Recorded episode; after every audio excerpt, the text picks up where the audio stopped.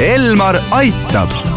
saate toob teieni Sakret tere, Elmar aitab rubriigis, räägime sel korral majade fassaadidest ja fassaadide soojustamisest. stuudios on Rene Vinkler ettevõttest Sakret, mina olen Annika Õunap, tere Rene. tervist.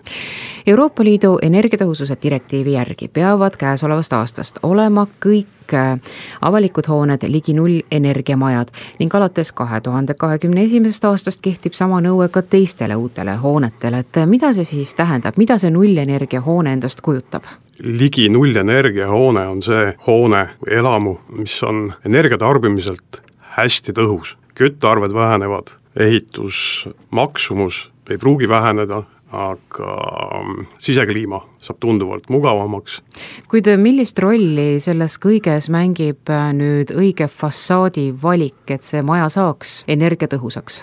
energiatõhus fassaad tähendab siis seda, et äh, fassaadi isolatsioonimaterjali paksus pakseneb keskmiselt umbes kolmesaja millimeetrini, noh harvad ei ole ka juhused, kus äh, hakatakse kasutama neljasaja millimeetri paksust isolatsioonimaterjali, aga see sõltub ka väga palju isolatsioonimaterjalist endast.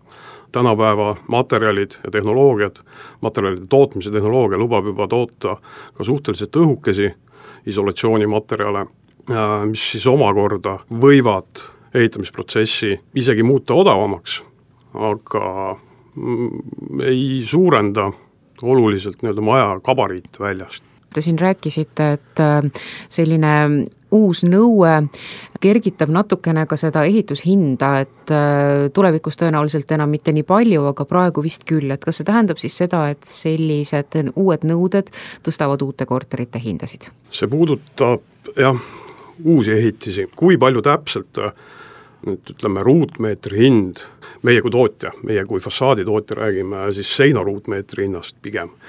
Äh, aga seina ruutmeetri hind noh, mõjutab ehituse üldmaksumust, et kui palju ta siis äh, hakkab mõjutama põrandapinna maksumust, seda ma ei oskakski siin kohe öelda, kindlasti see mõjutab.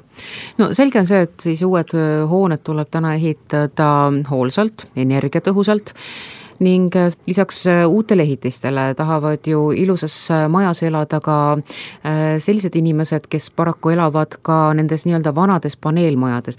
millised on need tänased võimalused, et need just nõukaaegsed majad saaksid kauniks, energiatõhusaks? kui rääkida nii, nii-öelda nendest nõukaaegsetest paneelmajadest, siis nende puhul on ka üks oluline moment, et et ka nendel on nii-öelda need energiaklassid ju täitsa olemas, et, et kui me räägime oluliselt rekonstrueeritavatest hoonetest, noh siis ütleme, nii-öelda kapitaal äh, remonditavatest hoonetest, siis äh, kui äh,, kui remontida selle maja katus, fassaad, küttesüsteemid, siis äh,, siis tuleks ütleme sellise, sellise hoone puhul saavutada C-energiaklass.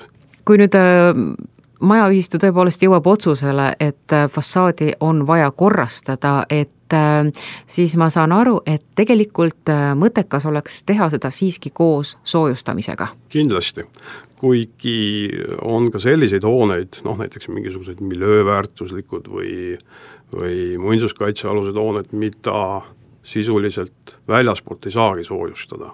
sellisel juhul tuleb kõne alla seestpoolt soojustamine no linnapildis on sageli näha sellist olukorda, kus äh, rekonstrueeritakse justkui nagu kas etapikaupa või siis on otsustatudki, et äh, nüüd teeme võib-olla maja otsaseinad ainult äh, korda ja, ja soojustame need ära.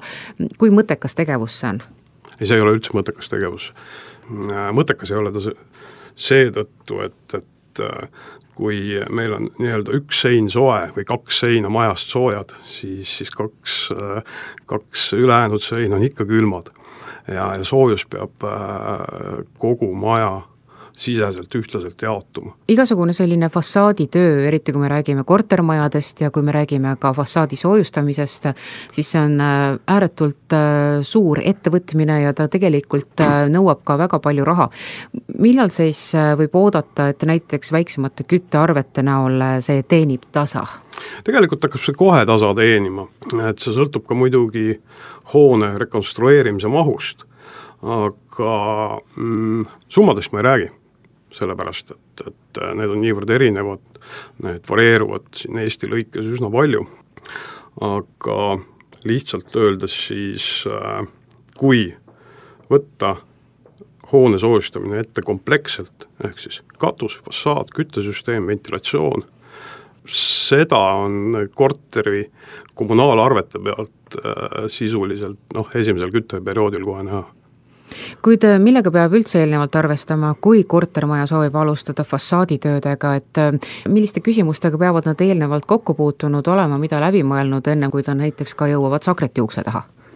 kõigepealt tuleb selgeks teha, millised on võimalused, äh, üle enda varju ikkagi ei hüppa ja kui on vähegi võimalusi, siis äh,, siis mitte mm, soojustada või, või rekonstrueerida enda hoonet nii-öelda poolikult, teha poolik lahendus.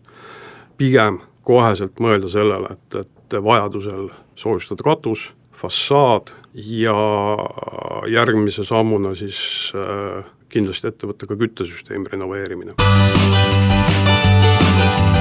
Elmar aitab. saate toob teieni Sakret